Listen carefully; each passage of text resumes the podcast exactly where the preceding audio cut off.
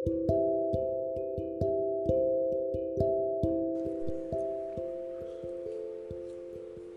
dan segala senang sendunya memang selalu menarik untuk dibahas.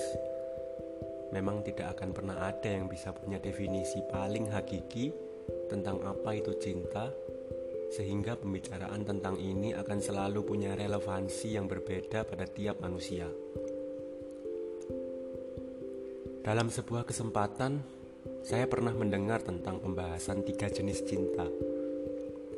Jenis yang pertama adalah cinta monyet Cinta di saat kita masih segar belia, muda, ekspresif, hidup tanpa pertimbangan.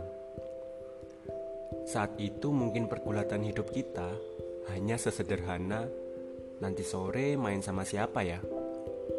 Atau resah menentukan kata-kata mutiara untuk biodata teman sekelas. Mungkin anak zaman sekarang tidak tahu rasanya mengisi biodata pada buku dengan gembok besi kecil di sisi kanannya.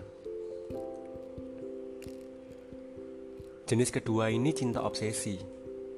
Cinta yang muncul saat kamu begitu berusaha mendapatkannya, tapi in the end of the day, you know, she never wants you.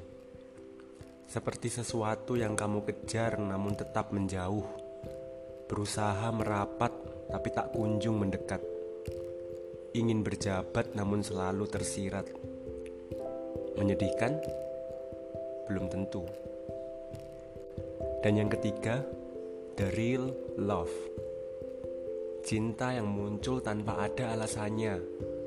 Mencintai seseorang yang tidak pernah kamu duga di waktu yang juga tidak kamu kira. Seseorang yang satu hari pun tidak pernah kamu bayangkan, tapi dialah yang menjadi pasanganmu hari ini. Budayawan Sujiwo Tejo punya pandangan tentang ini. Jika kamu mencintai seseorang karena alasan-alasan, itu bukan cinta, itu matematika. Itu untung rugi, kata Sujiwo Tejo. Saya percaya bahwa cinta menuntunmu mengusahakan jodoh, bukan menemukan jodoh. Mengatakan seseorang adalah jodohmu adalah sebuah spekulasi. Jodoh di tangan Tuhan sama saja dengan mengatakan istilah ini adalah misteri besar. Setiap hari adalah perjuangan mengusahakan bahwa pasangan kita hari ini adalah jodoh kita.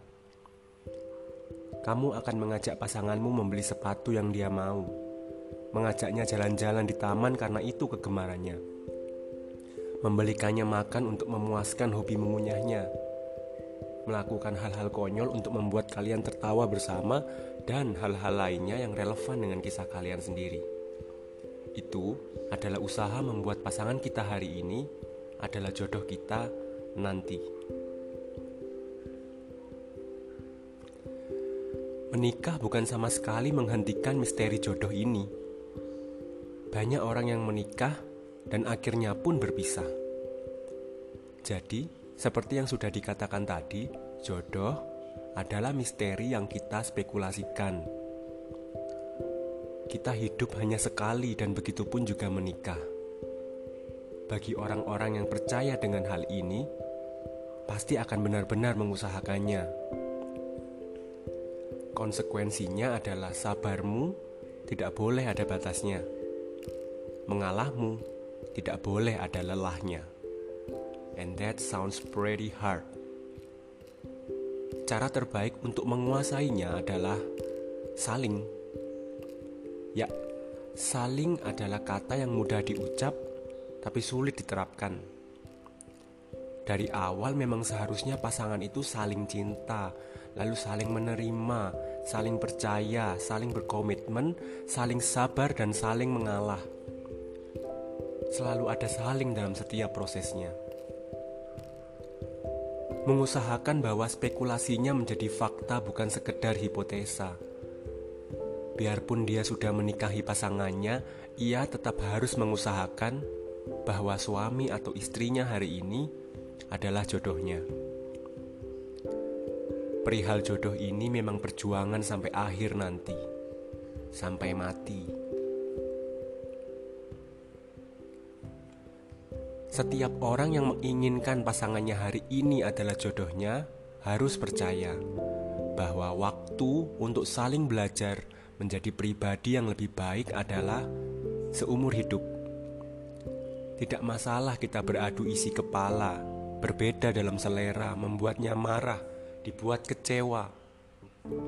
Asal setelahnya kita saling belajar untuk berubah menjadi lebih baik dan lebih baik lagi. Waktu belajarnya seumur hidup, tidak perlu terburu-buru. Bagaimana dengan yang belum menemukan cintanya? It's okay, your life, your time. Garisan hidupmu akan memotong garis hidup orang lain. Kalian bertemu karena saling menemukan. Tidak ada kalimat pasif dalam hal cinta. Menemukan dan ditemukan adalah dua kalimat aktif yang bertautan. Seperti seorang yang tersesat dalam hutan gelap dan sang pencari yang menerobos pohon-pohon berbatang kokoh. Si pencari akan mengambil senter dengan cahaya paling terang, membuka telinganya lebar-lebar, menggunakan pelindung mata supaya pandangannya tidak terganggu oleh hewan-hewan kecil di hutan. Dan yang ingin ditemukan, dia harus senantiasa memberi tanda.